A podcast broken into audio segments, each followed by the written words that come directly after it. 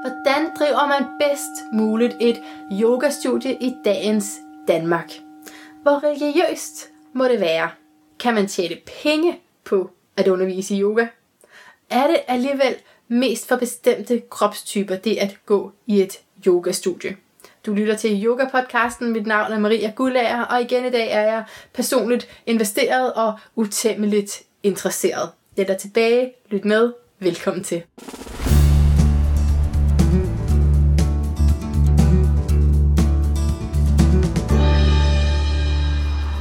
Så dit navn. Altså så ham. Soham Johansen. Men som jeg siger ikke Hector. Det var fordi jeg så på Facebook. Så... Ja, du må gerne sige Hector først. Ja. Øh, det er så ikke det, jeg bruger Nej. i yogasammenhænge. Nej. Og, og alle, altså alle mine navne på nær Johansen er faktisk, hvad kan man sige, konstrueret af navne, jeg har taget. Tænk det nok. Øh, efterfølgende, mit, mit dåbsnavn, det er Søren Eising Johansen, eller Søren Johansen Eising. Først Søren Johansen Eising, tror jeg det var. Ja. Så det er kun Johansen, der er sådan der... ja, eller hed jeg egentlig overhovedet? Det er sjovt. Altså, det er min fars efternavn, men vi har egentlig altid brugt min mors. Altså, så, så mange af, når jeg ser noget fra skoletiden og sådan noget, så står der bare Søren Eising på. Jeg er i forbindelse med, at jeg besøgte et ashram i, øh, for min guru, ligesom, øh, og også deltog i, i en del aktiviteter baseret på sådan en, en, en guru-tradition, som også findes her i Danmark. Øhm, der var vi flere, der bad om et spirituelt navn. Det er jo sådan en, der har jo været en tradition engang. Ikke? Okay. Og der øh, fik vi faktisk af nogle omveje øh, ordet Soham. Og jeg tog det så som mellemnavn, og det tror jeg nok, der er en anden, der har gjort også, eller to andre, der har gjort også. Men jeg tror nok, jeg er den eneste, der også har ændret dåbsattesten til det. Ja, ja, sådan virkelig gør. Og, øh, og da jeg så ligesom, så mit fulde navn det er Hector Mervin Soram Johansen, men, men da Hector Mervin ikke er, handler mere om det numerologiske, så, øh, og, og det yoga-baserede ligesom er Soham, så er jeg egentlig er jeg bare endt op med at bruge Soham. Ja. Og det passer jo godt til yogaen. Ja. Passer Ja, fint det i sådan- Indien, ikke? Hvor Det er de sådan et sådan- navn, ikke? Altså, det er, det er nemlig sådan et... Øhm, jeg vil, det vil svare til sådan noget... Et, altså, Sobel eller sådan noget. Det er sådan et, et navn, som i, man nok i Indien eller i de kredse ville vide, om det er også et mantra. For åndedrættet, Ja. det, Ja, ja, ja. det er sådan en... Øhm, ja, ligesom hvis man hedder Yogananda eller et eller andet. ja, altså, ja. Det er sådan, Ja. man kan, man kan, jeg tror godt folk kan samle op, og jeg har været i et tempel i Indien engang, hvor de efter de hørte mit navn, sagde, at øh, jamen, så må du gerne komme ind, også i et af de rum, hvor Ja, godt. de ellers ikke øh, inviterer øh, Mm. folk ind udefra. Altså. Den døråbner. ja, Det, og, Det er og, og give bare der. et fedt ord, ikke? jo, jo.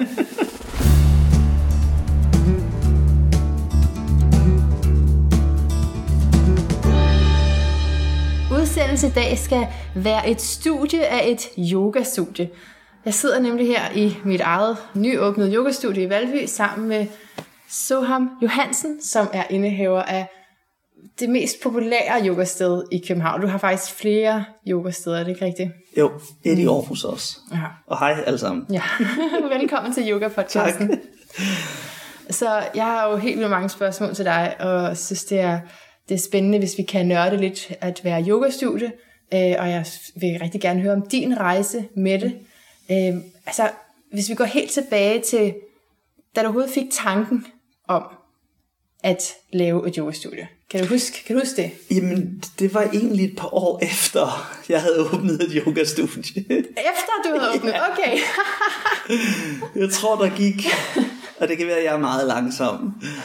Jeg tror, der gik et par år efter, jeg havde åbnet Hamza tilbage i 2004, åbnede vi i Ja. faktisk 9-11. Øh, det var på, på øh, altså det var så et par år efter den egentlige 9-11, Ja, ja, ja. at øh, vi sad på en, en, jeg tror det var en torsdag i september, og ligesom, øh, jeg fik nøglerne og mødte op i lokalet, og lagde planer for at samle nogen øh, og begynde at male og sætte i stand. Og jeg kan huske den aften, det, der, og det var sådan, der havde man hovedet lidt i det. Så jeg kan huske, det var først om aftenen, jeg kom hjem og så så nyhederne og sådan, gud, det er jo 9-11 i dag, den samme dag, som, som ja. ligesom er, ja. er et sted i mangens kalender, hvor vi kan huske, hvor vi var. Ja. Så, øhm, men så tænkte jeg, Nå, det er vel også meget godt, at der sker noget, Ja. noget, noget rart eller noget godt i, Ja, i mit liv på den dag, ja. Jeg mener, ja, så det var, øhm, det var ligesom, da vi officielt åbnede og satte det hele i gang. Ja. Øhm, men, men det var jeg ikke, øhm, der var jeg, der lavede jeg en masse yoga og studerede også på det tidspunkt og cyklede rundt i byen og gik til fester og alt muligt. Øhm, Du og var der- yogalærer jeg var yogalærer på det tidspunkt ja, allerede. og havde arbejdet forskellige andre steder ja, før. Ja.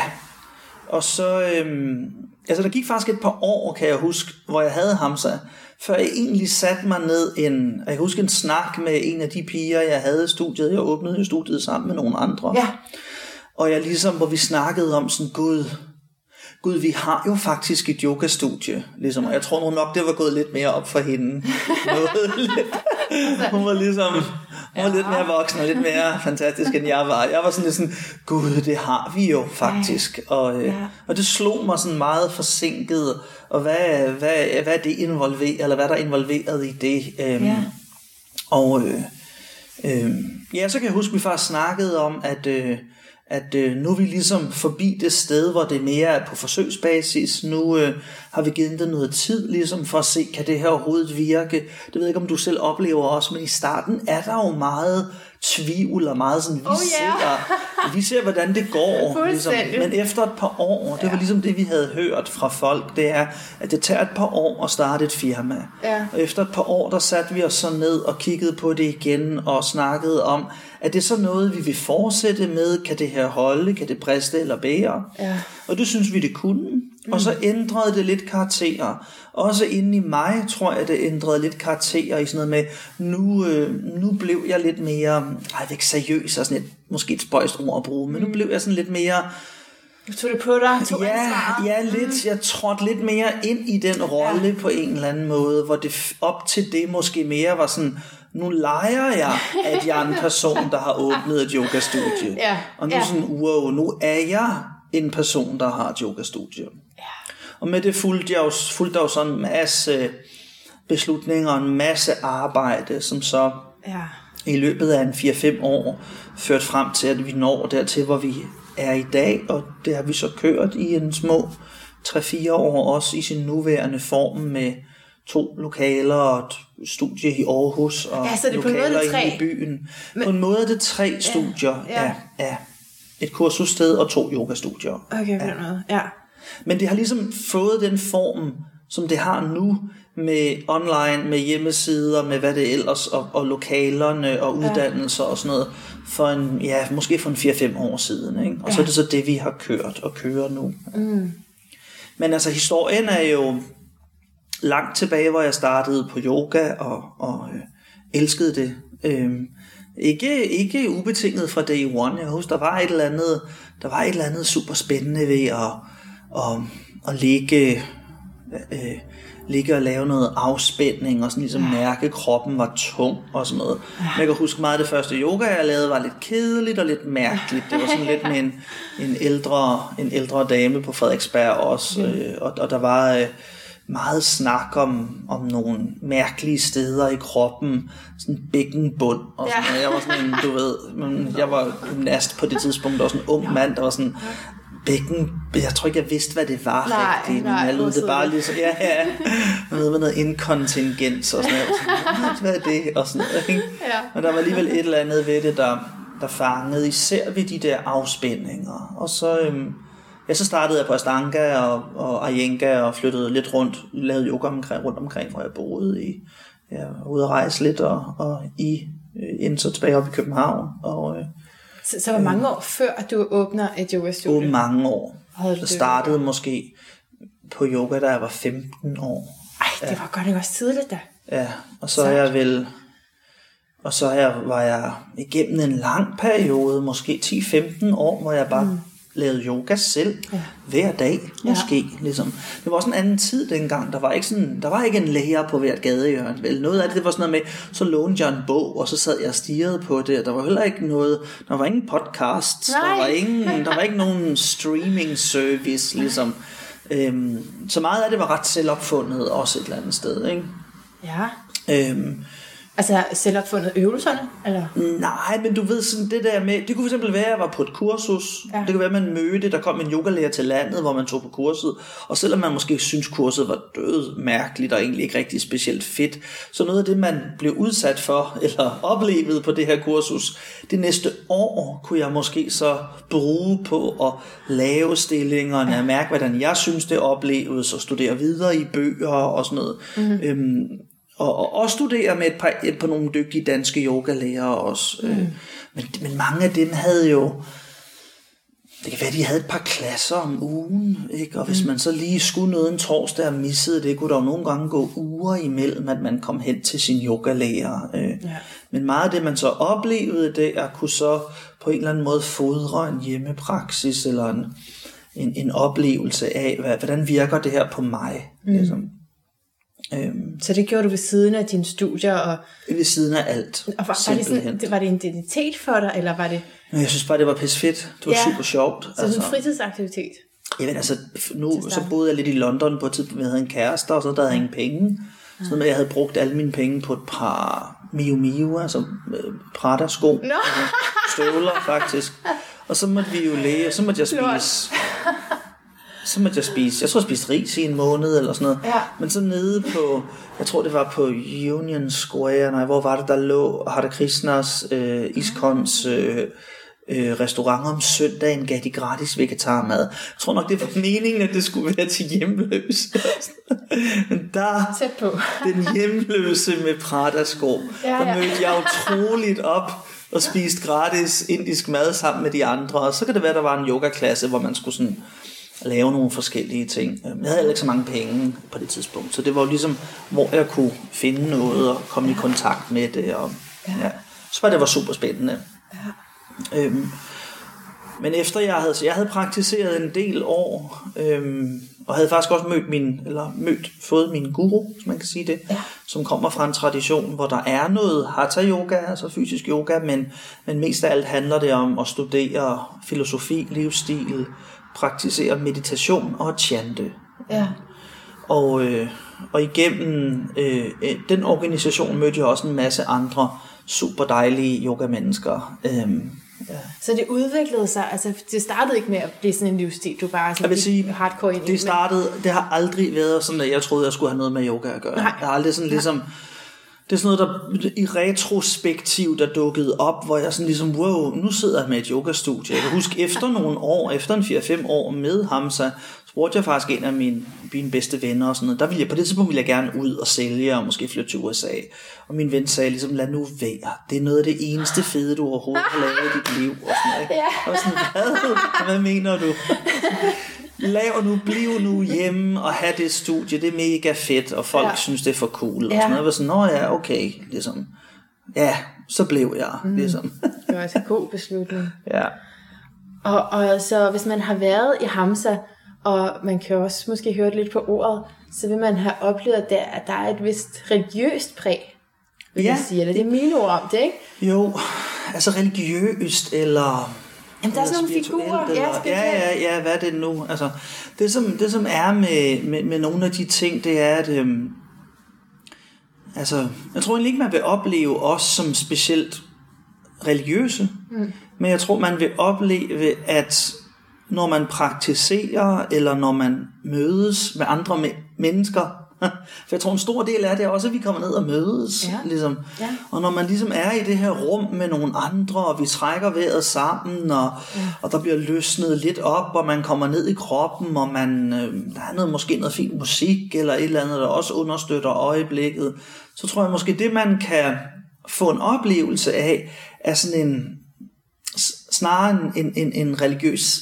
oplevelse, eller den der oplevelse, religioner snakker om mens religionen måske er noget i virkeligheden noget andet. Det var meget altså, fint sagt. Ja. Ja. Så det der med sådan at, Men det sådan, at det- kender du det, at man nu, øh, nu var vi, øh, nu var, jeg var på Azorerne her i sommer, og det, det er en ret smuk ø, altså, og man kan komme op og se ud over rullende grønne bakker med hortensia, godt i blomster og sådan noget, ikke? og så kan man se skyerne komme ind, og et eller andet sted, så er der, der er jo ikke nogen kirker, der er jo ikke nogen religiøse symboler, men man får sjovt nok jeg fik det samme sug, som første gang jeg trådte ind i, i, i den fine kirke i Firenze, eller noget af det måske nogle af de religiøse rum også kan skabe. En oplevelse, en, en, en, som man sådan en oplevelse af ærefrygt, eller øhm, forbavsethed, eller nysgerrighed på en og samme tid. Øhm, så på den måde tror jeg, at yogaen ikke nødvendigvis er en religion, eller vi praktiserer det ikke som en religion, men den kan installere i mennesket nogle spirituelle eller religiøse stemninger, hvis du er åben over for Ja, det, eller er har brug for er. det, hvis det er Ja. der, du er. Ja. Det kan også være nogle mere fysiske oplevelser, eller det kan være noget mere mentalt, at du føler, du får mentalt ro, hvis det er det, du tripper ja. over, eller har brug Okay, for. så på, på den måde er det ikke noget, I går efter, men, det, men jeg synes bare, jeg har, altså, nogle af jeres timer starter også med en forklaring af en myte, eller, Ja, ja. Og, og der, er, der er også det, ja, som du siger, Ja. chanting, Ja, og, og så ja. der er nogle, nogle elementer fra det ja, etiske, ja, østlige. helt sikkert. Mm. Ja. Hvad har du gjort der overvejelser omkring det? Og det er jo også ret vildt at ture og tage det ind, ikke? I sådan en dansk kontekst. Og sådan sige. Så Jo, men på et tidspunkt så arbejdede jeg, ja, på et tidspunkt arbejdede jeg et andet sted, hvor øh, i fitnessindustrien, hvor jeg havde en del klasser, jeg tror jeg havde 15 klasser om ugen, så jeg var en stor del af en stor profil af det. Ja. Og der var en, en masse andre i øvrigt fantastiske yogalærer også på det tidspunkt i fitnessindustrien. Okay. Jeg kan huske, vi blev kaldt ind til et møde, hvor de snakkede lidt om det her med, om vi skulle, om vi måtte chante om, eller brænde en røgelsespind af, eller et eller andet. Og, øhm, og det snakkede vi længe om, og til sidst blev det jo af gode grunde sådan, som fitnessstudiet eller firmaet ville have det. Så det måtte man ikke. Nej, det måtte man ikke. Og, øhm, og, og det er nu egentlig, og det gik jeg med på, man kan jo ligesom, altså dem der ejer stedet, Ja, ja, ja. må have lov at tegne stedets profil, og hvis man så af en eller anden grund ikke kan magte det, så må man vende et andet sted at arbejde, Ja. det er jo ikke deres problem, eller deres skyld, eller et eller andet. Nej, nej. Men øh, jeg kan så huske, at det blev, jeg ved ikke om det blev fortalt til eleverne. I hvert fald en af eleverne, tror jeg, fra en receptionist hørte, at det var ligesom kommet på banen. Og hun kom hen og sagde til mig, hun sagde, hun synes det er super tosset. Hun sagde, jeg er et voksent menneske, jeg kan sagtens sortere i det her selv. Altså, jeg synes, hvis du har lyst til at chante, så skal du chante. Hvis du vil fortælle om det ene eller det andet, så kan du gøre det. Men, men, men jeg tror ikke, at I... Hun sagde, at du kan jo sige til dem, at, at jeg tror ikke, at I har brug for at sortere i det for os. Fordi mange af os er voksne, kloge kvinder, mm. og vi kan godt af og til lige sidde over, hvis der er et eller andet, der bliver for kosmisk og sådan noget. Men hvis vi kan bruge det til noget, eller hvis det på en eller anden måde kan sætte en stemning, eller øhm, øhm, øh, få, få mig til at fundere over noget den dag, så, øhm, så er det jo fint. Altså. Og jeg kan huske, at jeg tænkte lidt over det efterfølgende, og har også, også noget, der ligger til grund for, hvordan jeg ser på tingene, og taler med lærerne om det i Hamza, det er, det virkemidler. Altså, øh, hvorvidt vi kan få det til at virke, om man spiller noget, noget cool R&B, eller med lidt mere swagger, eller man spiller mere um, sing-song. Øh, altså, i teorien vil jeg da elske at starte en klasse med at chante Halo af Beyoncé. og sådan, altså, nu ved jeg ikke, om jeg kan synge den. Men, øh, men du ved, sådan, der, der, kan være mange, der kan være mange virkemidler, ja. der, kan, der kan hjælpe folk hen til et, en, en stemning, hvor vi er i det sammen. Og sådan, øhm, men, men, men fælles for det er det, at jeg tror, man skal give mennesket lidt mere credit for at kunne øhm, øh, sortere lidt i det. Mm. Så hvis de ikke lige har brug for det den dag, så sidder de lige det, det to og et halvt, tre minutter, det tager at chante, og måske bare tænker på noget andet, eller lytter til deres åndedræt, eller et eller andet. Og så går man forhåbentlig videre med noget, de kan bruge til noget. Ja. Altså. Men der kan jo på en klasse være en person, som bliver rørt af at chante om, og der kan være på en klasse nogle mennesker, som ikke bliver synderligt rørt af det, og det, og det er ok. Altså, Det er helt som det skal være. ja, det mm. synes jeg. Det er, det er også min egen oplevelse, når jeg har været der, at i starten havde jeg brug for sådan meget, og, og tænkte, det, det der, det tager jeg ikke med, og det der tager jeg med. Og så Ja. efterhånden, som man får tillid til nogle bestemte lærere, så kan man også øh, tage mere ind af det, der bliver sagt. Ikke? Som underviser og som yogastudie kan man jo bare være sindssygt ærlig om, hvor man selv er. Ja. Altså sådan, man kan jo bare sige sådan noget med, personligt er jeg vild med Indien, eller mm. personligt elsker jeg Bali. Mm. Det er derfor, at jeg har taget et balinesisk navn og går i, Ja.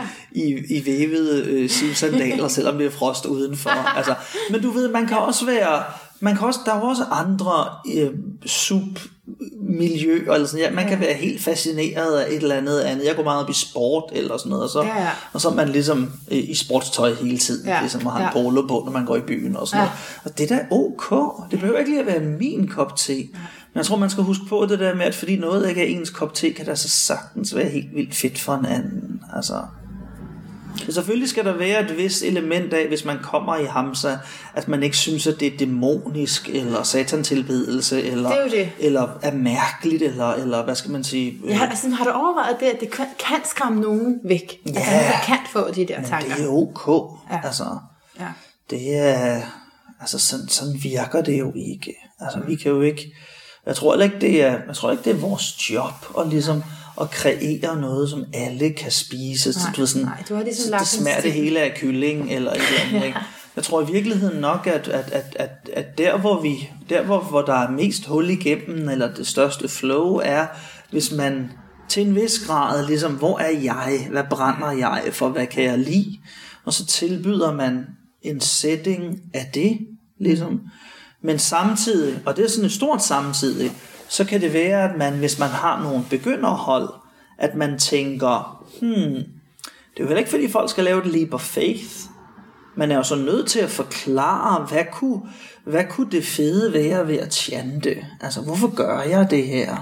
Hvordan er det, vi oplever, at, at af og til, så kan, det, så kan det samle os lidt før en klasse, eller det kan kreere et stemningsskift, der gør, at nu er du forladt jobbet og cyklet gennem byen og kommer herhen, og nu sidder vi her, og så er der et, et, der et, er et mere højtidligt eller et andet rum eller et eller andet. Så man må nok også lige forklare det lidt. Altså. Og så kan der være en anden setting, hvor man er ude et sted i en bank og underviser. Der må man jo nok gøre sig meget bevidst om, hvad har de brug for her? Ja. Altså det ville være sådan lidt, lidt insisterende, ligesom sådan, ja, jamen sådan, jeg er klædt på som en balinesisk brud i dag, og insisterer på, at vi skal chante, og hvis det bare slet ikke er det, det, det kalder på det. Ikke? Mm-hmm. Nu kan man sige, fordi jeg jo så har Hamza og underviser kun i Hamza, så har jeg jo også til en vis grad fået lov til, eller så har vi sammen ligesom bestemt, hvad er stemningen og miljøet der. Men en del af lærerne er jo både i Hamza og andre steder. Og der tænker jeg, der er, der bliver um, skruet, altså trukket i, skruet op og ned for nogle forskellige knapper, øhm, i forhold til, der måske er lidt mindre af, den, af de referencer til den yogiske tradition og sådan noget, og hvis der er referencer til det, bliver det forklaret, ligesom, hvorfor kunne det her være en god idé, men så de hamser er vi ligesom sådan, det er stil, når vi, vi, vi, låner, vi låner frit fra de her mange visdomskulturer og idéer, og jeg har jo tit også øh, refereret øh, fra Sufi-traditionen, eller fra vores egen nordiske tradition. Jeg har også fortalt, jeg har også fortalt fortællinger og myter om de nordiske guder okay, og sådan noget, ja. uden at, uden, at vi nødvendig, uden at vi nødvendigvis skal, godt jeg skal til at gå sådan lidt mere i de der museumsmykker. og- sådan, vi skal have brynjebikinier på i dag. Det kunne blive en ting. ja.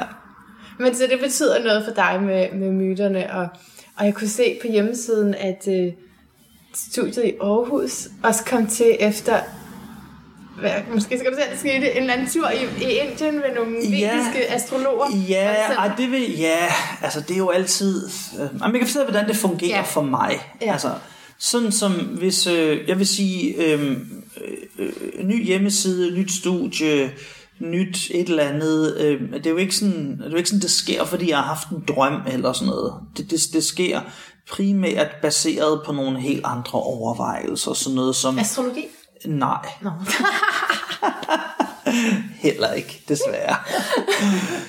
Sådan noget som for eksempel, min familie bor i Aarhus, øhm, kunne det være fedt at komme hjem til dem ofte, Vi har nu nogle, vi har nu haft nogle, nogle venner i Aarhus, der har taget uddannelse hos os. Der er altså et miljø, vi kender og viber med. Øhm, er der et kundegrundlag? Kunne det være spændende at komme til Aarhus og tilbyde uddannelser? Øhm, det er meget sådan nogle overvejelser først af en meget praktisk og jordnær økonomisk karakter. Okay. Men ofte i forbindelse med, at jeg reflekterer over det, så kan det også være, at jeg mediterer, eller har en drøm, eller konsulterer mine astrologer. Mm, det, det, hvor jeg så spørger dem, hvordan ville det være, hvis jeg overvejede at åbne et studie i Aarhus? Og så kan det være, at de siger, øhm, ja, det, det er jo, alt kan jo lade sig gøre, ligesom. Øh, men sådan som det ser ud for tiden, der hvis det bliver det her efterår, ligesom, og især i november, hvis du tegner kontrakten der, så øh, vil du sandsynligvis møde en del udfordringer fra den konkrete praktiske verden øh, omkring lejekontrakten, lejemål, bla bla bla. Øh, så lader man være. Mm, nej, så, så gør man det, at man ringer til ens far, no. som har en masse forstand på sådan noget. Og så har jeg måske bare selv i mente sådan noget, som jeg tænker, Nå, det kan da godt være, at der kommer nogle ekstra udfordringer i forbindelse med det. Men det må jeg jo så møde med, med den, den fornuft, jeg har, og de evner og ressourcer, jeg kan skrabe sammen til det. Altså. Så i den forbindelse, så, øhm, så fik vi, så var der nogle ting, der faldt på plads. En, vores, en af vores kollegaer en, en, øh, kiggede efter nogle lokaler i Aarhus, og pludselig bum, poppede det her op, og, og det var bare, det var det, vi gerne ville. Og så tænker jeg, nå, men det er jo også et, vink med en vognstang, der, ja. det der univers, det skal ja. sørge stå, stå til måls for meget. jeg tænkte sådan, det er jo også et vink med en vognstang fra universet om, at øh, sådan, Nå, okay, det kan sgu godt være. Øhm, og så i den forbindelse, så øhm, havde jeg faktisk også en, en drøm, eller sådan, hvor jeg så et, øh, en, ligesom den her skikkelse, eller dyr, nærmest en totemdyr, tænkte jeg det var, som skulle ligesom måske gå hen og blive skyts engel, eller ja. det sted, der, det, der symboliserede det sted. Og det var så den her, en hvid tyr. Tyr, ja. ja. Og så under researchede jeg lidt og fandt den her, jamen, det er jo i yoga-traditionen en, en, en, en, en fabel, et fabeldyr, der hedder Nandi, altså en, en hvid tyr, der tjener Altså har du drømt om noget, som du slet ikke vidste, hvad var? Nej, det, det, det vidste jeg jo godt. Jeg vidste godt, der var en hvid tyr. Øh, jeg tror ikke sådan Øhm, men det ville være meget sejt. før tror jeg faktisk, jeg havde set i Indien den hvide marmorfigur, ja. som jeg var ret forelsket i. Ah. Og så tænkte jeg sådan, ej, ej, det er jo den, og det ja. kunne være fedt at få den med hjem til, til det her nye studie. Ja. Som i øvrigt, oh my god, den mest dramatiske flytur ever med, med den her kæmpe store, alt for store marmorfigur. Jeg havde købt den ekstra kuffert til, men den var for tung, så kufferten gik i stykker. Så skulle den pakkes ind i plastik og sendes som ekstra transport. Godt, vi var mødt op i lufthavnen fire timer før tiden for at få det. Og havde det ikke været for Simon, min, min kollega og ven, som var med dernede, så var det aldrig lykkedes. Vi bare simpelthen den her kæmpe... Ja, han hjalp med at bære den her kæmpe marmortyr gennem tolden og Ja, ej, det var lige ved ikke at ske, men så fik vi den hjem og installerede den i Aarhus, og så er den ligesom blevet billedet på, eller symbolet på det studie. Og, så har og vi... hvad nu beskytter den så? Altså, det er sådan skyts. Ja, det kunne man jo. Ja, er det ikke en sjov, fed idé? Jo, jo det er det.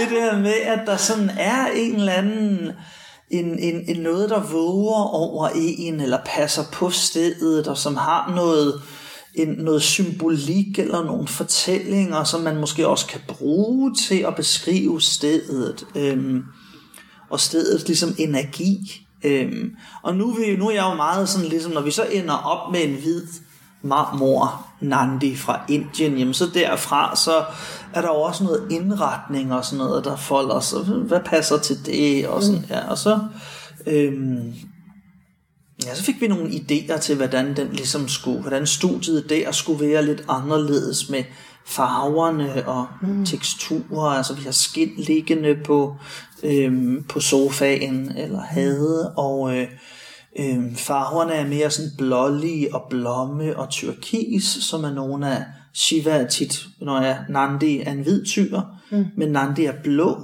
på brystet tit, og Shiva er blålig. Okay. Fordi den blå farve øhm, den indigo-blå farve ofte er forbundet med øhm, oplyste væsener, og især Shiva. Krishna er jo også blå, når man ser ham nogle gange, men man, øhm, man mener, eller man mente, at, øhm, at når man træder ind i dyb meditation, så er der faktisk et mørkt. Når man mediterer dybt, så er der sådan et indigo-blåt lys, der fylder ens bevidsthed. Altså man ser det. Man ser det, ja. Og, øh, og derfor så, øh, så er det, og da Shiva er guden for meditation blandt mm. andet også, og han er ligesom, hans krop er simpelthen farvet blå af den, af den, af det meditative lys, der emmer ud fra ham. Og hans øh, bedste ven, hans øh, ridedyr, det er simpelthen Nandi. Tyren, den, den hvide tyr. Øhm. Men så var vi ude i nogle, fra derfra så studerede jeg videre med nogle farver og noget symbolik og sådan noget. Ikke? Ja. Og så har vi så Shiva, den dansende Shiva til studiet på Nørrebro. Og vi har inde i Klærkegade, som er kursusstedet, en, en hvid påfugl. Ja. Øhm, så der er ofte en masse praktiske overvejelser forbundet. Mm. Ofte går de hånd i hånd med nogle dybt kosmiske, weird idéer. Det var altid var sådan, og hvordan selekterer man i det, når man har sin far ind over? Hvorfor skal vi skrive under den 11. Så det er vigtigt. Astrologerne har sagt, at... to logikker der Nemlig ja. til møde i banken. Ja. Min bankrådgiver efterhånden kender han mig. Jeg tror, han, ja. han glæder sig altid til, at vi skal have møde. Han synes, det er så griner. Det er højdepunktet. Hvad har du fundet på i dag? Så? Han må jo nok kunne forstå, at ja. så et eller andet med universet. Ja. Mm. Men du tror på det, ikke? Du kan grine af det, sådan, du, du, altså, du tror på, at, der, at den her beskytter, og, og det her, yeah. og som du siger, den her blå farve, det er jo, den man hører. Det der er med tro, og det der er med de her sansninger eller overbevisninger, det er jo desværre ligesom med, med kærlighed også. Altså sådan, jeg vil, der var ikke noget, jeg hellere ville kunne gøre, end at kigge et andet menneske i øjnene og sige ligesom, uden at vakle non-stop, konsekvent og hele tiden elsker jeg dig 100%. Mm. Men sådan virker det jo heller mm. ikke. Så nogle gange inden for det selv samme øjeblik, så er jeg ligesom en, en believer. Justin Bieber, ikke? så er jeg den vildeste believer. Mm. Og så øjeblikket efter, er jeg måske ikke så reflekterende omkring det, eller jeg er måske skeptisk, eller et eller andet. Men sådan er de her ting jo inde i os. Ej, det ser meget, meget smukt. Så det veksler jo, men overordnet er jeg jo, har det, altså er jeg et sted, hvor jeg synes, at mit liv bliver mere farverigt, og og, og, og jeg synes, jeg navigerer bedre i nogle af de livsbeslutninger, mit liv handler om, hvis jeg også tør øh, tage symbolik eller mytologi eller øh, anderledes tænkning ind i billedet. Og at jeg så er faldet for det indiske, det er jo bare en præference. Det kunne være så mange andre ting også. Ikke? Altså. Mm. Det synes jeg er meget, meget smukt at ja. sammenligne det med kærlighed. Så jeg er ikke sådan, jeg vil sige, jeg er jo, ja, jeg tror jo og, og, og lever meget det her, men, men, men, men på sådan en meget ambivalent, nogle gange paradoxal måde. Ikke? Men, men det, men livet er paradoxalt. Nemlig, altså, ja.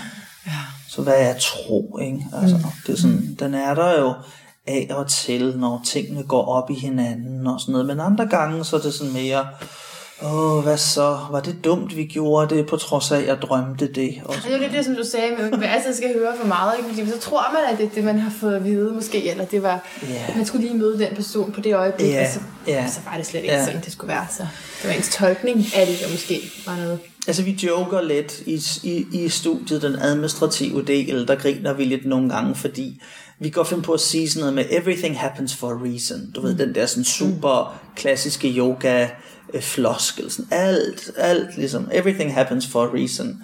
Og så plejer vi at sige, uh, and sometimes that reason is because I'm totally flaky and unprepared. Yeah. Altså, du ved sådan noget med, hvorfor kom jeg for sent til flyet? Er det universets måde at fortælle mig på, at jeg sådan, nej, Det var bare mig, der var sindssygt utjekket og havde glemt mit pas og måtte køre tilbage for at hente det og stakkels ja. taxachauffør og sådan noget. Ikke? Altså, Ja. det, der, der, der, ja, der må også være en grænse for nogle gange, hvad det her univers skal stå til rådighed eller stå til ansvar for. Nogle gange er det bare mig, men nogle gange er det også en større kollektiv retning. Nu er det jo dagen efter det amerikanske valg, ikke? Nogle gange er det noget, der sammen eksisterer imellem os, ligesom en, en, en, en, en lim eller en tekstur, der holder os sammen, og, og som og sammen flytter os i en retning, der får nogle konsekvenser og sådan noget. Ikke? Mere end nogensinde har vi brug for yoga. Ja, altså chokerende nok læste jeg en lille artikel, der handlede om, at det var blandt andet nogle af de vælgere, der har svigtet det demokratiske parti, er, er sådan øh, lavere middelklasse kvinderne, som har stemt det samme som deres mænd. Og det er jo i USA det store yogasegment. Men Det er nok ikke så populært i studierne i USA, at man ligesom siger, at man har stemt på Trump. Men, men who knows, måske er det, måske yogamiljøet også er, er en, en, en, en, en del mennesker, der er bange for at miste deres... De er jo ikke sikkert, at de behøver at være, synes at alle muslimer skal ud, men det kan være nogle af de andre ting, der også har bevæget, eller folk har været bange for ved det her valg, også er en angst, de har siddet med, når de har haft venner og kollegaer, hvis øhm, erhverv eller noget ligesom er kollapset, eller har mistet jobbet, eller det ikke går så godt for dem, eller sådan noget. Ikke? Helt sikkert. Ja. Så jeg ved det ikke. Måske yoga er cool. Måske det ikke helt er... Måske vi skal tilføje noget mere til den yoga, vi praktiserer noget aktivisme eller noget mere. Jeg har altid tænkt på det der med at skulle... Oh my god, skulle man være politisk engageret? Det kunne du også. Altså, du har jo øh, adskillige uddannelser bag dig. Det- Skal man have uddannelse for at være nej, politisk nej, nej, men engageret? du, kan, du er vant til at skifte lidt retning i livet. Jo, jo, du- ja, ja. Godt. ja. Men altså, nej, nej, nej, det ville jo være, det kan jeg slet ikke, det ville jeg slet ikke kunne styre. Al den opmærksomhed, det, det er slemt nok med yoga. Ja, det ved jeg ikke. Jeg tror, jeg ville få Michael Jackson til at se helt sådan snus fornuftig ud. Altså, jeg ville blive, jeg ville blive meget Ej, det spøjs. vil du klare godt. Tror du det? Ja, det tror jeg. Jamen, og det, det er jo det er sådan en sikkerhed i, jeg, jeg tror, jeg har sagt det før engang med, at, at hvis man har en politiker, som, som tør søge indad, og som man ved ligesom plejer sig selv, så kan man også måske mere få tillid til budskaberne, ikke? som handler det kol- om, omhandler det kollektive. Ja. ja. Det ved jeg ikke. Fordi hvis man ligesom tager vare Ja. på sig selv, så... Ja. Jeg tror, der, jeg tror helt klart på, at nogle af de ting, som kan guide os, eller vejlede os en masse i vores liv, kan findes gennem yoga, eller gennem det at mødes med andre omkring et eller andet, ja. der har en vis kropslighed, eller, ja. Ja. eller naturen, eller et eller andet. Det er måske rigtigt nok. Ja. Jeg ved det ikke. Det bliver nok, det, nu har jeg et firma, et, et, ja. et yogastudie, Ja, så ser vi det på politikken senere. Men i hvert fald, du har, altså, vi kan snakke lidt om det med populariteten, ikke? Fordi øh, det, det er jo rigtig populært, Ja, det yoga ja. Eller i flertal. Øhm, hvad har du tænkt over, eller hvad har, oplever du, at det har gjort for dit forhold til dem, der så kommer? Det må have været på en måde i starten, da der kom færre, altså givet, at der kom færre til at starte med, ja. også til nu, hvor der er, Ja. ja. er været 500 Ja. på en uge. Jamen jeg i starten, når, vi, når jeg underviste, så øh, kunne der jo sagtens være to på holdet. Øhm, og så, så er det jo en anden oplevelse. Ja. Ikke, ikke altid en bedre oplevelse, Nej. vil jeg sige. Det kan jo godt være en lille smule grænseoverskridende ja. og lidt intimt, eller lidt, og faktisk på nogle punkter vanskeligere at undervise til de her to, end det måske ville være til de til 20. Ligesom. Øhm, men af og til kom der et par elever, og øhm, jeg kan huske, jeg altid tænkte, hvor er det fedt, der er kommet to.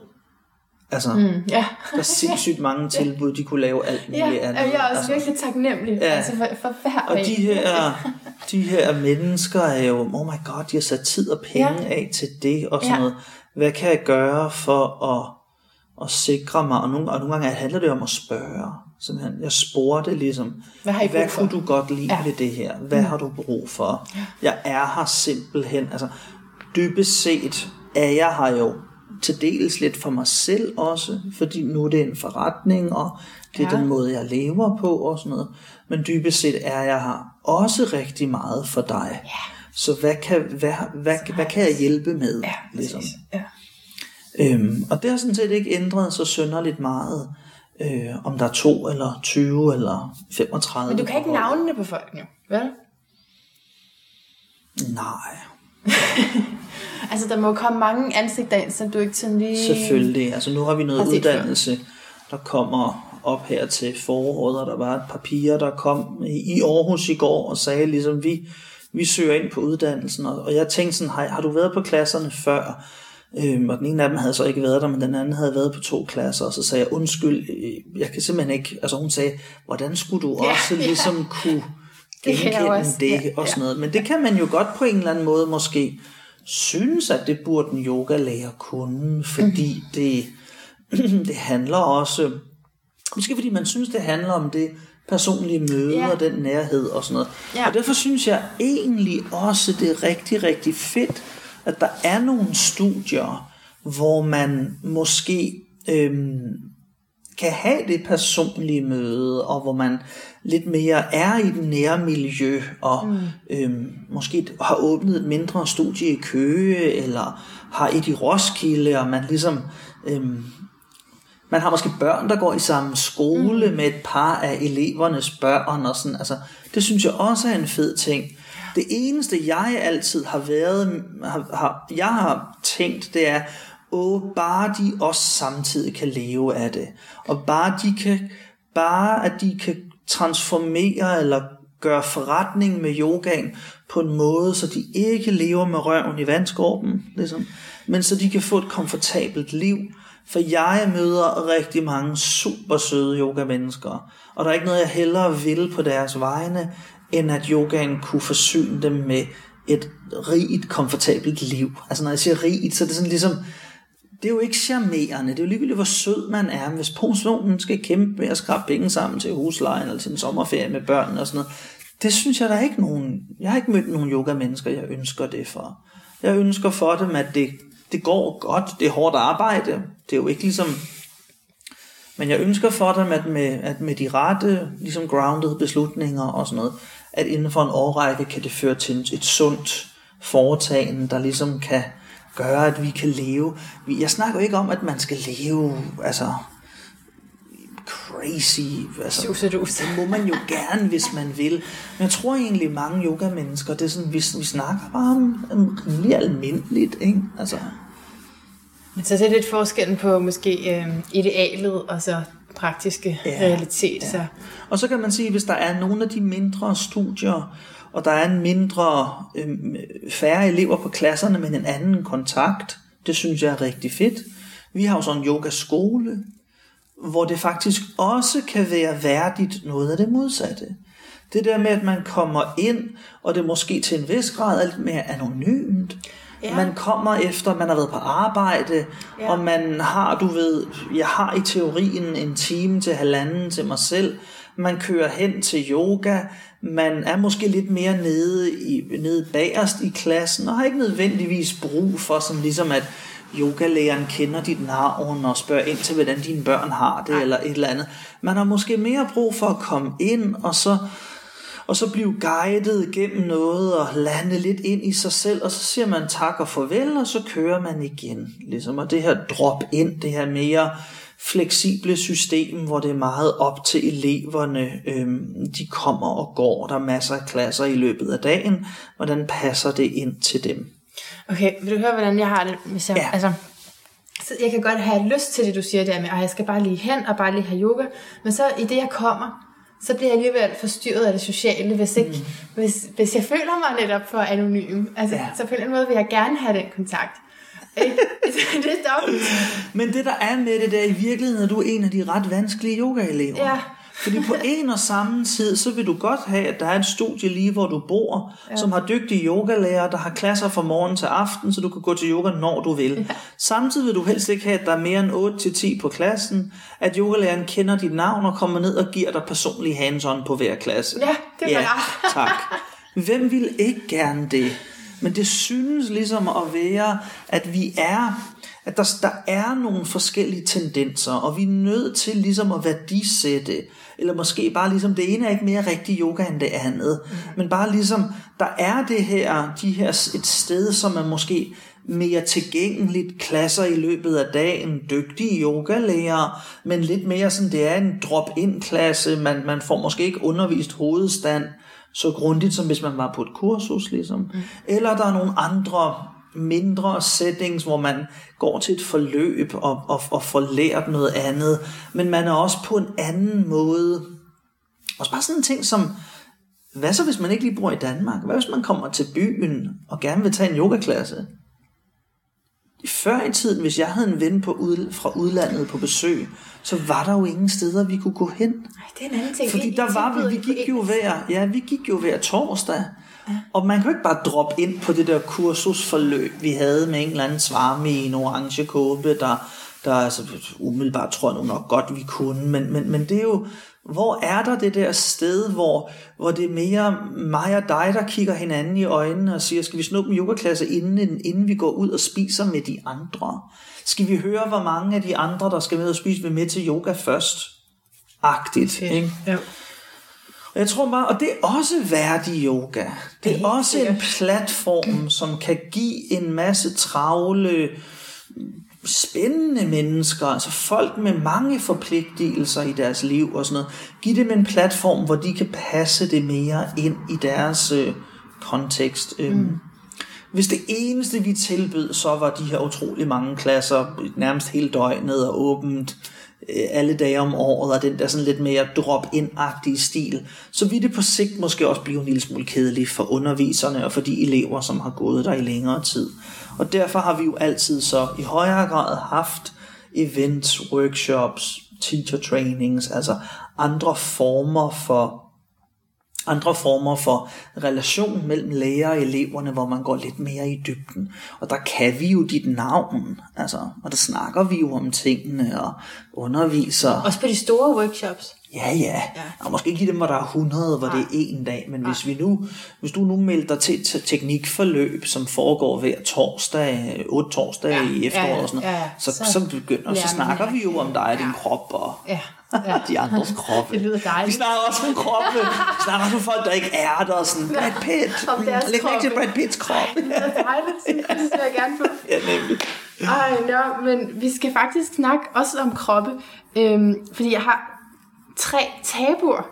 Nå. Som jeg tænkte, vi skulle slutte af med. Ja. Altså som er nogen, du har, eller nogen, du Nej. tænker, som de er derude? I... Altså, helt objektivt set, så er det derude, ikke? Okay. Ej. jeg synes jo altid, det kan være en lille smule åh, vanskeligt at snakke sådan om det derude. Om sådan. Nogle ja. gange så kan jeg godt lide bare sådan ligesom, jo... sådan her ser jeg på det, eller et eller andet. Det er jo. Og jeg kan jo også finde på at sige, at jeg elsker at snakke om tabu, og det er jo også helt vildt af løgn, fordi grund til, det er et tabu, yeah. det er jo fordi, jeg har en eller anden modstand på det, og synes, det er sådan, uh, okay. Nå, men lad os høre den første af dem. Jamen, skal, skal vi bare lige tage den med kropstype så? Ja, ja. kropstype. Og yoga. Kropstype og yoga, ikke? Ja. Altså, så jeg er for nylig blevet beskrevet af en, der skrev noget om, og så skrev hun, jeg var høj og spinkel. Ja. Jeg blev, jeg blev ikke sådan helt Det ville vi gerne have ført til protokol. Ja, ja. Høj, spinkel og modelagtigt. Nej, men det synes jeg da ikke. Jeg synes ikke, det er sådan særlig flatterende, egentlig. At være spinkel. Nå. Nej. Jamen, det er jo det er, fordi, du ikke har set mine ben. Det er jo sådan nogle små stolper, sådan nogle små... Det er også sådan... Der er jo nærmest ikke nogen ankler, det er sådan nogle små ja. flodhesteben. Så, så, så sidder her i, i lotusstilling, ikke? Og ligner sådan en, Men de små, meget kompakte flodhesteben. Jeg ville godt have haft lidt af den der sådan højden og... Men højde det er også fint, men så Nå. det der med at være spinkel, Altså ja. det vil jeg ikke så føle sådan lidt. Og der, der kan jeg jo godt føle i yoga, at jeg skal jo altså, træne mine arme for at kunne Nå. lave chaturanga og sådan. Ikke? Altså, altså der det, det der med, at, at yoga er for alle kroppe, det er jo et eller andet sted noget bullshit. altså, hvis du, hvis du vil praktisere en vinyasa-form med masser af armbalancer, masser af gang i den og sådan noget, så er det jo bedst, så er det jo bedst, hvis du har sådan en mere gymnastagtig krop. Altså, ja. enten, det er faktisk også bedre så, hvis du var lidt kortere og Ja. Og altså gymnastpigerne er jo ikke så høje. Nu er der et par enkelte af dem, ikke? Men, men, men, øh, men ligesom... Og omvendt vil du noget andet, hvis du vil være 100 meter mester i at ligge på en hupude, eller kunne sidde stille og roligt og meditere i lang tid. Ja. Så, det, så det er jo... Der er mere vind i sejlene, hvis du som udgangspunkt er en lidt mere rolig person. Ja, jeg er mere som dig. Har din størrelse. Ja, Også fordi du sidder bare så godt i den der. Jeg sidder og væver rundt du her. karter rundt. Ja. Øhm, så, så man kan sige, at yoga for alle er måske en sandhed med modifikationer. Ikke? Det ville være en god idé, vil, vil jeg sige, hvis vi hvis man ligesom siger, at der er noget, der er mere atletisk end andet. Men, men, men, lad, os, men lad os sige, at der bør være en yogaform til alle. Ikke? Mm, Om det så lige bliver undervist på stedet eller ej, det, det ved jeg ikke. Men i Hamza i hvert fald prøver vi jo på, at der er et bredt spektrum. Der er yoga for folk, som ikke har været så fysisk aktive igennem deres, deres liv måske. Øh, øh, vi har jo klasser, hvor, vi, hvor jeg siger, at det eneste du skal gøre for mig, det er ligesom at, at smide, smide chipsposen og fjernbetjeningen, og så rulle ned af sofaen, og så på en eller anden måde komme herhen, så skal jeg nok stå for resten. Ja. Ikke? Altså bevæge lidt. skal der nok ske noget. Ja, så skal vi nok gøre noget sammen. Altså. Og så er der yoga for folk, som er fedte, og som også lige tager løbeskoene på og smutter en tur rundt om søerne. Ja. Måske endda på vej til yoga. Og Men har du følt, at du skulle ændre din krop for at kunne være i yoga? At der er nogle stillinger, som gør, så er jeg nødt til at tabe mig, eller så... Altså, jeg har oplevet sådan noget med, at, at vi på en yogaklasse skulle, og jeg gør det jo selv, ikke? men jeg har oplevet på en yogaklasse, at vi skulle, inden klassen startede, skulle vi ligesom lægge hænderne sammen foran hjertet, og så skulle vi bede en bøn om, hvad vi godt kunne tænke os, ligesom, der kunne ske. Og jeg tror, yogalæreren havde sådan en idé om sådan noget med verdensfred, eller eller alt det danske landbrug blev omlagt til økologi og sådan noget. Jeg kan bare huske, at jeg tænkte sådan, please, må jeg forlade den her klasse med vaskebræt? Bare sådan, det var bare det første, der poppede op. Øhm, men samtidig ville jeg helst have, at vi bare skulle ligge på nogle hønder og slappe af. Så det, der er jo et paradoks der. Tog min mave, mens jeg trækker vejret. Ja, nemlig. Jeg ved det ikke. Altså et eller andet sted, så... Altså, ja, jeg tænker da den slags, men måske netop det, det der er lidt fedt ved yoga, det er, at på en og samme tid, jeg godt tænke alt muligt pis, men uden nødvendigvis at reagere på det. Altså, jeg tror, jeg ved med 100% sikkerhed, jeg har alle de samme tanker, som andre har. Det er jo ikke fordi sådan noget med, at jeg laver yoga og spiser vegetarisk og mediterer, så, så, så, bl- så slår det mig aldrig, at, at det kunne være fedt at have vaskebræt eller et eller andet. Øhm, men jeg tror, det der sker, det er, at jeg tænker alle tingene, men jeg reagerer ikke så meget på dem nødvendigvis. Og hvis jeg så, hvis der er en tanke, der vender tilbage igen og igen, hvor jeg tænker, jamen, er det noget, der jeg virkelig brænder for, og som er en stor del af min yoga-identitet, jamen, så må jeg jo så må jeg se, hvad jeg kan gøre. Altså, så må jeg måske arbejde metodisk imod det. Men det er ikke sikkert, det kan betale sig. Der er ikke sådan et, et kropsideal hos dig længere. Som der måske har været, da du var mere i fitness. Jamen, dengang tænkte jeg overhovedet ikke over sådan noget. Nå. Altså overhovedet ikke. Jamen, jeg skal så huske på, at ind, altså, sådan er det jo for mange, eller det ved jeg ikke, men sådan var det for mig. Jeg har aldrig skænket krop en tanke. Altså, jeg, jeg gik i biografen og spiste et kilo slik, du ved, og, men dagen efter... Det er dejligt. Ja, altså jeg, var sådan, jeg har aldrig tænkt over, at mælk og hvede eller sukker kunne være et problem. Jeg kunne pulverisere og spise et lille sportsfly, uden at det havde været noget problem. Altså, det var først, det er først noget senere, at jeg har begyndt at kunne mærke sådan, huh, hvorfor sov jeg så dårligt i nat? Sådan, ligesom, hvorfor har jeg sådan lidt, hvorfor har jeg øjenbetændelse og sådan noget? Det var måske også lidt overkill med de der to bøtter Ben Jerry's, inden vi gik i seng og sådan noget. Ikke? Altså, Men i starten, da jeg lavede yoga, der var krop bare en selvfølge. Det var bare, og den kunne alt, og den cyk, cyklede rundt i hele byen. Altså du ved sådan, det, det er først nu, jeg lige fyldt 40, ikke? Det er først nu, hvor jeg er sådan lidt mere sådan, hold da op, ligesom. Det kan godt være, muffin nummer to var lidt, eller lidt meget, eller sådan noget med, jeg kan ikke ud og spise på buffeter så meget længere, for jeg kender bare mig selv Jeg kan ikke efterhånden. styre mig. Nej, så, hvad, så det kan bare ikke betale sig at, at, at, at sætte sig selv i den kontekst. Nej. Altså, ja jo, der er jo nogle forudsætninger, vi er givet, altså, og øh, jeg tror, at vi gør os selv en kæmpe tjeneste til en vis grad først, og ligesom lande med en stor portion accept, hvor vi er. Altså, det er simpelthen, hvis du er en lille lille, lidt spinkel person, men du gerne vil være høj og have masser af muskler. Jamen, jeg tænker, noget af det, du som fyr, og måske noget af det, du skal igennem for at komme dertil, er simpelthen bare ikke en god idé. Altså, eller hvis du er en pige med en mere med en øh, fuld eller en, en smuk krop eller et eller andet, og du gerne vil være halvdelen af det, eller, eller ligefrem ligesom peger på en knoglestruktur, og så spørger sådan, er der nogle yogaøvelser, der kan fjerne de her knogler? Og man er sådan, nej, ikke mm. rigtigt. Og overordnet tror jeg, at det vi skal, det, det, det vi kan gøre, det er måske at lande lidt i, hey, du har fået, du har det her bækken, og det skulle cool nok.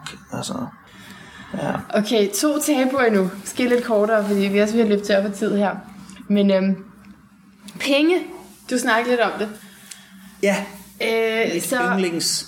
er det yndlingsemnet? Mit yndlingsemne? Nej, altså, det er. Vi, vi kan jo godt lide penge, men så det der med sådan at helt konkret at snakke om, så det synes jeg i hvert fald godt kan være svært. Øhm, men jeg synes, det er et vigtigt emne inden for yoga, fordi der er rigtig mange, der bliver underbetalte. Ja, ja. Jeg tror, det der, det der kan være med det også, det er jo, at vores intuition, vores intuition omkring det her med, at, at et, et møde mellem to mennesker, eller omsorg, eller kærlighed, eller, øhm, eller vejledning, øh, om det er spirituel vejledning, eller et eller andet, den ligger jo nok ret dybt i os, at den bør ikke koste penge. Og det bør den jo nok heller ikke. Altså, det er ikke så charmerende, hvis en person melder ud sådan noget med, øh, hvor stor gaven er, er proportionelt med, hvor meget jeg elsker dig. Altså, eller forældre, der ligesom sådan, hvor høje karakterer du får, er proportionelt med, hvor meget jeg holder af dig.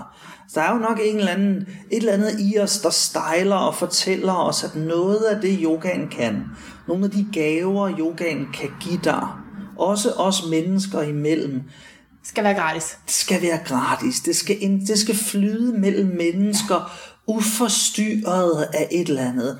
Men derfor er vi samtidig også nødt til at fatte, at der er mange aspekter af yogaen, der ikke skal være gratis. Altså, fordi, øh, fordi vi også giver noget vejledning, der minder om det en fysioterapeut kunne give. Ja.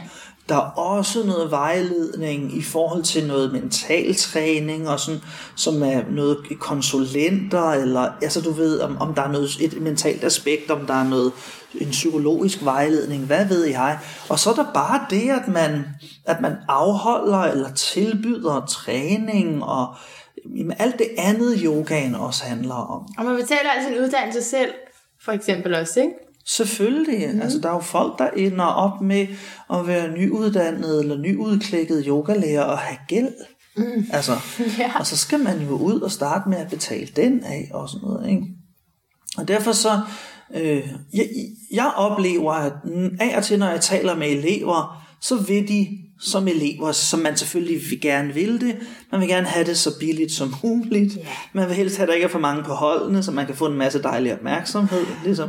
Og man hører endda yogalærer, der også på en eller anden subtil måde fortæller, at yogaen er også mere ægte, hvis det er små hold, eller sådan den nærhed, eller et eller andet. Ikke? Altså, den er også ægte, men den er også ægte, hvis man står på en stor klasse, hvor, ja, hvor man ikke nødvendigvis, yogalæreren ikke ved, hvad dine børn hedder, eller ja. et eller andet. Ikke? Øhm, men, men, men eleverne vil jo selvfølgelig, vi vil jo det, vi vil som elever.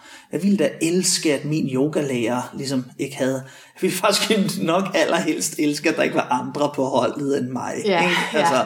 Men jeg vil jo også vide et eller andet sted, hvis det er det, jeg drømmer om, en realistisk set, hvad vil jeg så skulle lægge for sådan en klasse? Hvad for 800? Kan det gøre det? Hvor meget tror du, en det, person med et lokale det, skal tjene om, om skal dagen? jeg prisen op? Øh, hvad koster Altså antag, hvor mange vil man kunne have på en dag? Ja. En time. Ja. Jeg vil måske have en 3-4 stykker. Ja, ikke? som er færdig. Ja. ja. Og jeg vil nok skyde på, at der er spiltid, der er aflysninger, der ikke bliver til noget, og alt det taget i betragtning. Ikke? Jeg vil nok skyde på, at du vil skulle ja, måske tage mellem 1000 og 1500 per elev for at tjene det ind, som du skal bruge til at holde stedet kørende og udbetale dig selv en nogenlunde ok månedsløn. Og den kunne så ligge på alt mellem det ved jeg ikke, 20 eller 30.000, lidt afhængig af, hvor, høje vores andre, vores personlige udgifter er. Ikke? Altså, Jeg kan virkelig godt lide det scenarie. Jamen, altså, for, Ja, men der, altså, altså- jeg møder bare så mange, som har den der, wow, det er dyrt, ikke? Og det er jo fordi, de sammenligner med et fitnessmedlemskab, typisk. Noget i den stil. Altså, eller nogen, der ikke er vant til at bruge Ja. penge på yoga. Ja, men, men, men, og det kan jeg også godt se, altså det er jo, og det er jo, og der, derfor så skal man jo, for min skyld, meget, meget gerne gå til yoga i et fitnessstudie. Det man bare skal vide om det, det er, at fitnessstudierne, der er jo enkelte af dem, som er ejet af privatpersoner, men fitnessstudierne er jo så måske ejet af et firma, som har investorer, ligesom som, som, og du kan være evigt bevidst om, at de investorer tjener mere end 3.500 om dagen på andre steder. Så hvordan det kan lade sig gøre og sådan noget, det er jo lidt en anden snak, ikke? Altså, Og at yogalæreren så i det fitnesscenter der, tjener væsentligt mindre, Ja. ikke? Ja. Altså, men I de har betaler en god løn i ham så, har jeg hørt. det, det, ja, jeg tror faktisk, vi er nogle af dem, der Ja, I- betaler Jeg tror, I OK. betaler sådan højst. Ja. Og, øh, og det og, og, og, og, ja, og det er en, en del af den overvejelse, jeg har om firmaet og dem, vi arbejder sammen med, det er, at jeg håber på, at mange af mine venner og kolleger, jeg håber på, at de kan leve godt af det her. Jeg ønsker for dem, som yoga-elev, ønsker jeg for min yogalærer, at det går dem godt. Og derfor så er det også det, jeg sagde, når man snakker med eleverne, så vil de som udgangspunkt gerne have små klasser, høj tilgængelighed, billig pris. Mm. Men rent faktisk, hvis man så falder i en snak med nogle af yogalærerne, nu har jeg så et par venner i USA for eksempel, ikke? når man så falder i snak med et par af, jeg talte med en ven i USA, hvor jeg så snakkede med en elev, hvor jeg sagde, men, men det der er problemet, det er, at nu er det yogalæren en, en, en veninde, det der er problemet, det er, at vi snakker om, at den her pige ikke har råd til sygesikring. Vi snakker om, at hvis man som yogalærer ikke kan arbejde i et par måneder, fordi man har brækket et ben eller et eller andet, eller det bliver vanskeligt gjort af det, ikke? Altså pigen er yogalæreren? Ja. Ja, okay. så, øh, så er der jo ikke, altså så kan man ikke tjene nogen penge, ligesom. Og så har jeg hørt de fleste yogaelever, som har fået et indblik i, hvad der foregår bag kulisserne, de melder jo så alle sammen ud og siger, gud ja, det kan jeg da godt se sådan. Ej, det er, jeg, det, det jeg har jeg det heller ikke ok med. Når det er derfor, det koster 150 kroner per gang. Altså, Ja. jeg tror, det, der kan, det man kan være lidt allergisk over for i yoga-settingen, det er, hvis man på en eller anden måde fornemmer eller tror, at man bliver skammet lidt, eller snydt lidt, eller sådan noget med, man, man betaler for noget, der er ikke rigtigt, eller, eller og, Ja. ja. og den her person måske så på en eller anden spøjs måde, så forvalter de her penge mærkeligt og sådan noget, ikke? eller hvad ved jeg, jeg køber kokain for dem, eller urtete for dem alle sammen. Ikke? Altså. Men jeg tror egentlig, hvis de fleste yogaelever blev bedt om at, at fundere eller reflektere over processen, så ville de fleste støtte deres yogalærer og sige, Nå, okay, nu kan jeg godt se, at øh, om vi kan mødes et, eller om der er et eller andet komfortabelt leje i midten, hvor det er, hvor, hvor yogaeleverne kan komme og betale det og sådan noget, men hvor yogalærerne eller yogastudierne også kan leve. Kan. Og ikke bare leve med røven i vandskorpen, men rent faktisk leve lige så skønne, komfortable liv, som hvis de havde forelsket, hvis de var tandlægeassistent, whatever, Ja. et eller andet. Jamen, det vil jeg så gerne Fysioterapeuter eller Ja. et eller andet, ja. Ja. Og jeg tror lidt, det der er sket, det er, at der måske heller ikke er den snak, eller er den transparenthed mellem studier, læger og elever. Så man kan jo, man, vi kan jo starte selv, ligesom at vi gør det jo, når vi mailer tilbage til en elev, der siger ligesom, det er det fedeste, tak fordi I har et dejligt studie, men hvorfor er det så dyrt? Og så siger vi ligesom, vi kan se, du har et kula-pas. Vi kan se, du har været til yoga 19 gange den her uge. Ligesom det gør faktisk, du har været til yoga for under 20 kroner per klasse. Det kan du jo ikke engang købe en soft ice for mere. Altså, Altså, vi, vi snakker om, at du betaler rask væk flere penge for at gå, i biografen med vennerne og blive underholdt til en middelmådig funky film med superhelte og sådan noget, ikke? end du betaler for at tage en yogaklasse. Og yogaklassen gør dig muligvis smertefri, eller øh, løfter dit humør, eller altså, ligesom, så i relation til det, måske vi bare skal snakke lidt med de elever og sige, jamen, prøv at høre, øhm, det, det koster sådan nogle ting, også for lokalet, og ja. Jeg tror simpelthen, der skal et skift. Uden dog, at det er fordi, man skal have, pludselig have en masse hjælp fra yoga-elever til, hvordan man skal køre sin Åh oh, ja. ja, det kan også komme, ja. kan også blive kaos, ikke? Ja. Altså, Alle de gode råd. ja. Men, men det kan godt være, at det skal være noget mere. Og så tror jeg, en anden ting, der sker, det er, at der er en, der er en del, og det er jo også i yogamiljøet, og jeg bliver sådan lidt, jeg undrer mig over, hvorfor det sker nogle gange, men der er også en del, der snakker om, at, at der er en stor yoga-business, der ligesom tjener en masse penge. Ja, det var det, du lige Og jeg er var sådan- Til før. Hvorhenne? Ja, det vil jeg også gerne vide. Jeg gad da godt. Jeg gerne ansættes. mig, mig bekendt, så ville det klæde, så ville det klæde de fleste yogalærer og de fleste yogastudier, hvis vi turde lande lidt mere i det her med at føre sund forretning og tjene nogle gode penge. Altså, øhm, jeg kan ikke se, jeg kan ikke se det er den kæmpe, altså øh, guld, altså guldgruppe, eller jeg kan ikke se pengene blive taget af, af forfærdeligt farlige firmaer. Altså i hvert fald ikke i Danmark, vel? Altså, øhm, så jeg synes, vi skal, jeg synes, man kan få en relation til de her mennesker, og man som elev gerne vil støtte sin super dejlige yogalærer. Altså, det er sådan, jeg gik på en klasse engang, eller var på et kursus, var det faktisk, hvor, hvor vi fik at vide, ligesom, at det her er prisen, men I må også meget gerne melde ud om, hvad I synes værdien og sådan noget er. Og efter kurset endte jeg faktisk med at betale næsten 1000 kroner mere, end hvad kurset egentlig kostede. Fordi jeg synes bare, jeg havde fået så utrolig meget med fra det. Ja. Jeg synes bare, det var så fedt. Og jeg tænkte på, at jeg kan gå hjem og sætte uddannelser og kurser op. Altså, jeg tænkte på, hvad jeg ikke kan tjene på den dygtiggørelse, det kursus har bragt mig. Så jeg betalte kursusbeløbet, og så donerede jeg yderligere 1000 kroner til dem og sagde tusind tak. Altså, Fedt. ja. Og jeg har faktisk haft elever, der har gjort det også. Okay. Altså, Ja. som ligesom siger, det her er det fedeste. Jeg synes næsten, det er for billigt. Jamen det er jo det, hvis Ja. ja. man tænker på den faktiske værdi af det. Ja. Så, Ja. og og, og det, det tror jeg altså, det, og også en ting i tillæg til det, du siger i hvert fald, der, som kan være årsag til, at man ikke er vant til at betale for det, er, at man kan streame det på YouTube gratis. Ikke? Kan man det? Nå. I stor stil! Jamen, jeg er ikke rigtig hoppet. Jeg er ikke sådan rigtig kommet med på det mener du det der. som om? Oh, Laver sjov? Men det er jeg ikke. Jamen, jeg altså, det, er jo over, det er jo over det hele. Nå. Altså, så mange ting. Men, og folk gør det sådan måske del, til dels også for at promote sig selv, men der ligger jo masser og masser og masser af fulde gratis klasser. Ja. Ja. Men det er ikke det samme, vil jeg bare gerne lov at sige. Nej. Overhovedet. som faktisk er værter. Jamen, jeg ved det ikke. Det synes jeg da også er en fed ting. Altså, vi, det, det er måske også en god idé at vide, at der findes nogle, nogle, nogle lag, nogle, nogle, nogle, både økonomisk, nogen, der måske ikke har råd til at komme i Hamsa og sådan noget. Der findes måske også nogle, nogle geografiske steder, der ligger langt, lidt langt væk derfra og sådan noget. Ikke? Det er måske meget fint, der er noget, hvis man har en team derhjemme, og børnene er, altså man, du ved, altså, og man så kan gøre det, og sådan. Men jeg tror bare som, selv som menneske, vil jeg så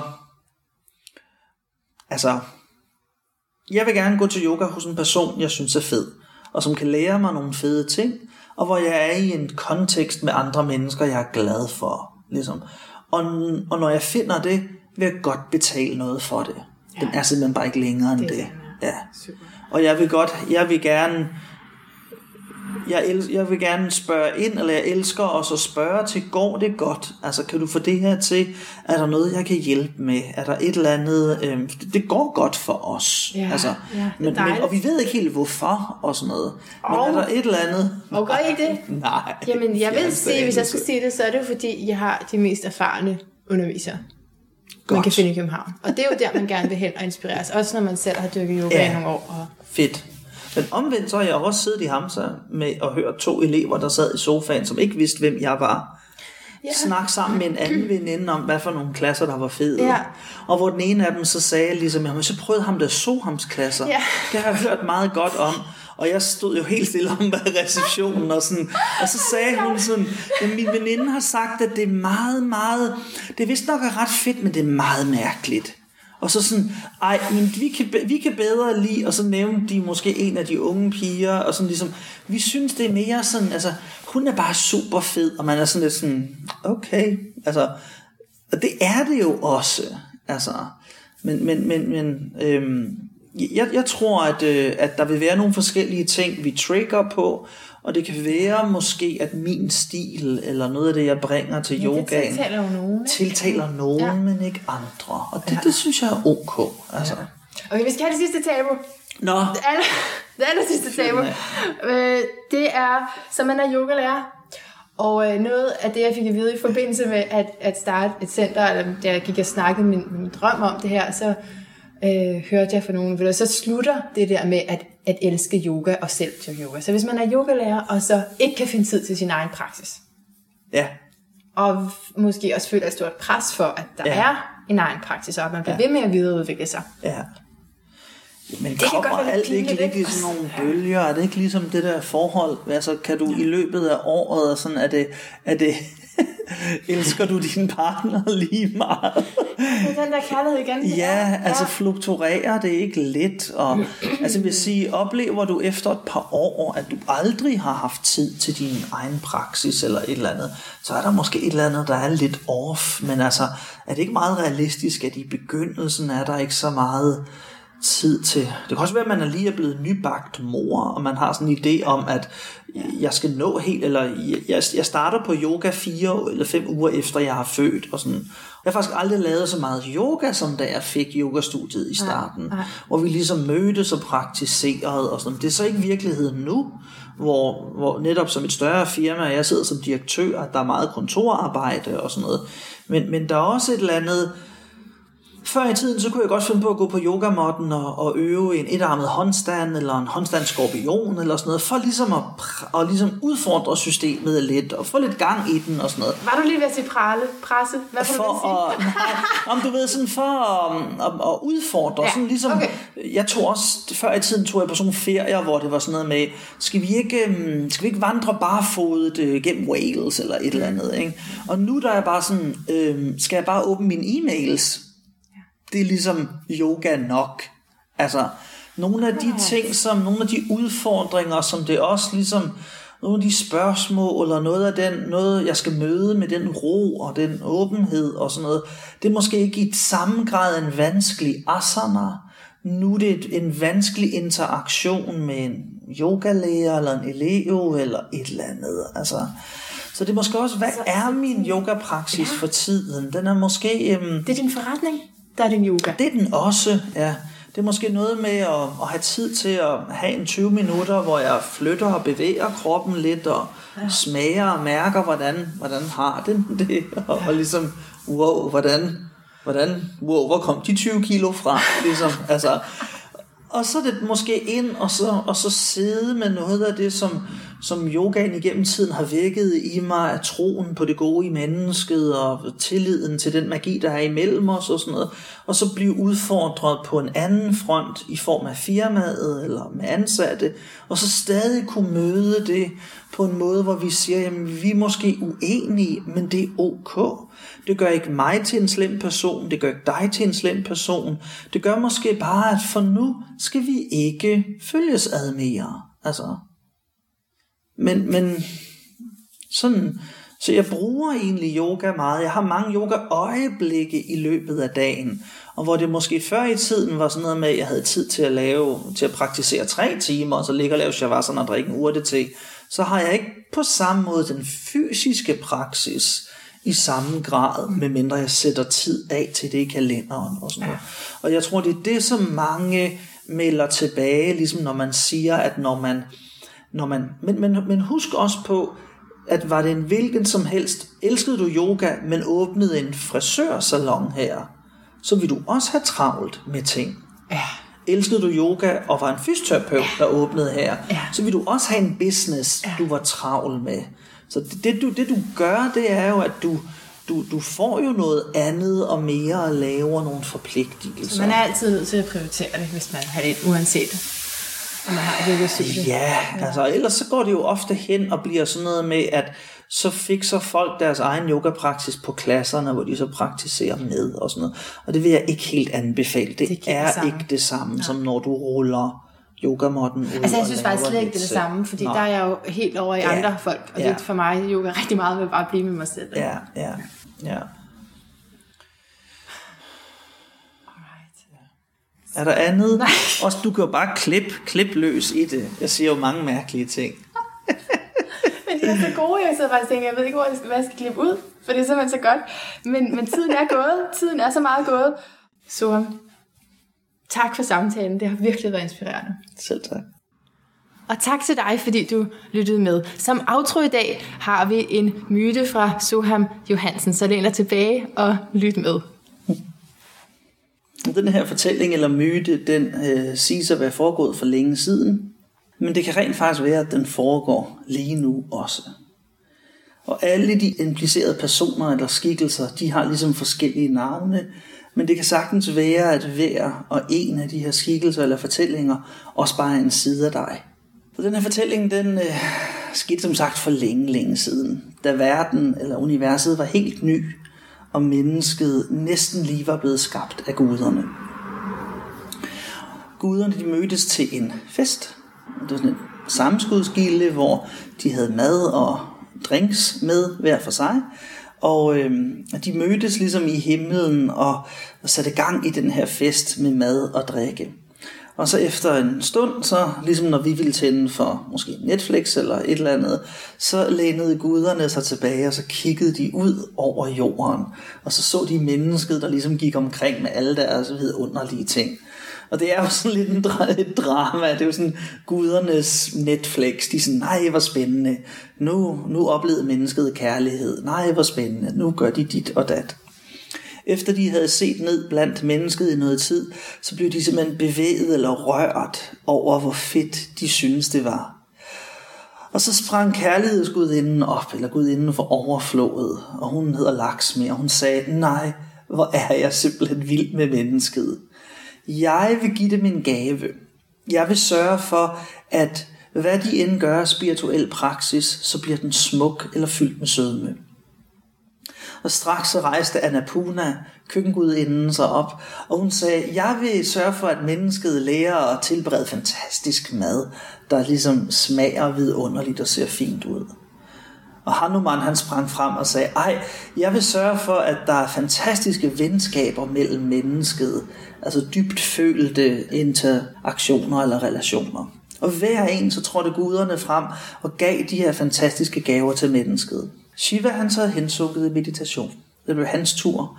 Så åbnede han øjnene, og så sagde han, jeg har en rigtig fin gave, jeg gerne vil give til mennesket. Den hedder yoga eller selvindsigt. Men jeg er lidt i tvivl om, hvordan jeg skal give den.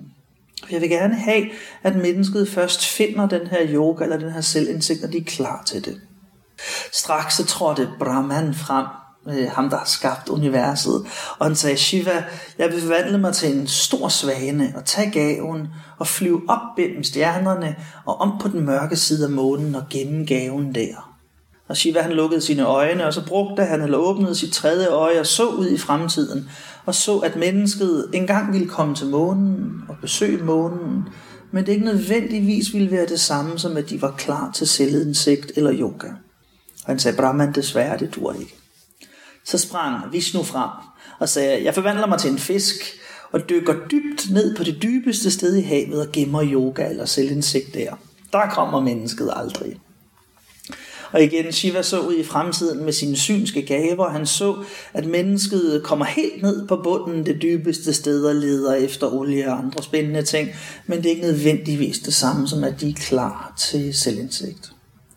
Til sidst så trådte en af de andre guder frem, øh, Ganesh, og han sagde, jeg kan forvandle mig til en tyr og rejse ud på de kolonorme østasiatiske stepper, eller de centralasiatiske stepper og gemme den der. Men Shiva så, at der kommer mennesket også engang med jernbanen og alle mulige andre spændende ting. Og det duede ikke. Blandt guderne var der en, som havde holdt sig lidt øh, tilbage. Hun hedder Maya, altså gudinden for illusioner og trolddom. Og hun var egentlig ikke specielt vild med tanken om, at mennesket pludselig skulle få selvindsigt og, og blive dygtige til yoga og sådan noget. Så hun trådte frem og sagde til Shiva, "Hmm, hvad med, at du gemmer den her gave inde i hjertet på hver og et af menneskene? Der kommer de aldrig og kigger. Og på en og samme tid så gennemskudde Shiva Majas intentioner, at hun rent faktisk ønskede at snyde ham til at gemme gaven et sted, de ikke kom. Men samtidig indså han også, at det måske faktisk var det helt rigtige sted at placere yoga. Og sådan blev det. Så inde i hjertet på hver og en af os findes der en rigtig fin gave. Og når vi er klar til ligesom at vende os indad og lede efter den og åbne den op, så kan yogaen blomstre derindefra. Og selvindsigt eller indsigt om vores samfund og vores relation til andre kan begynde at blomstre. Så yoga, Shivas gave.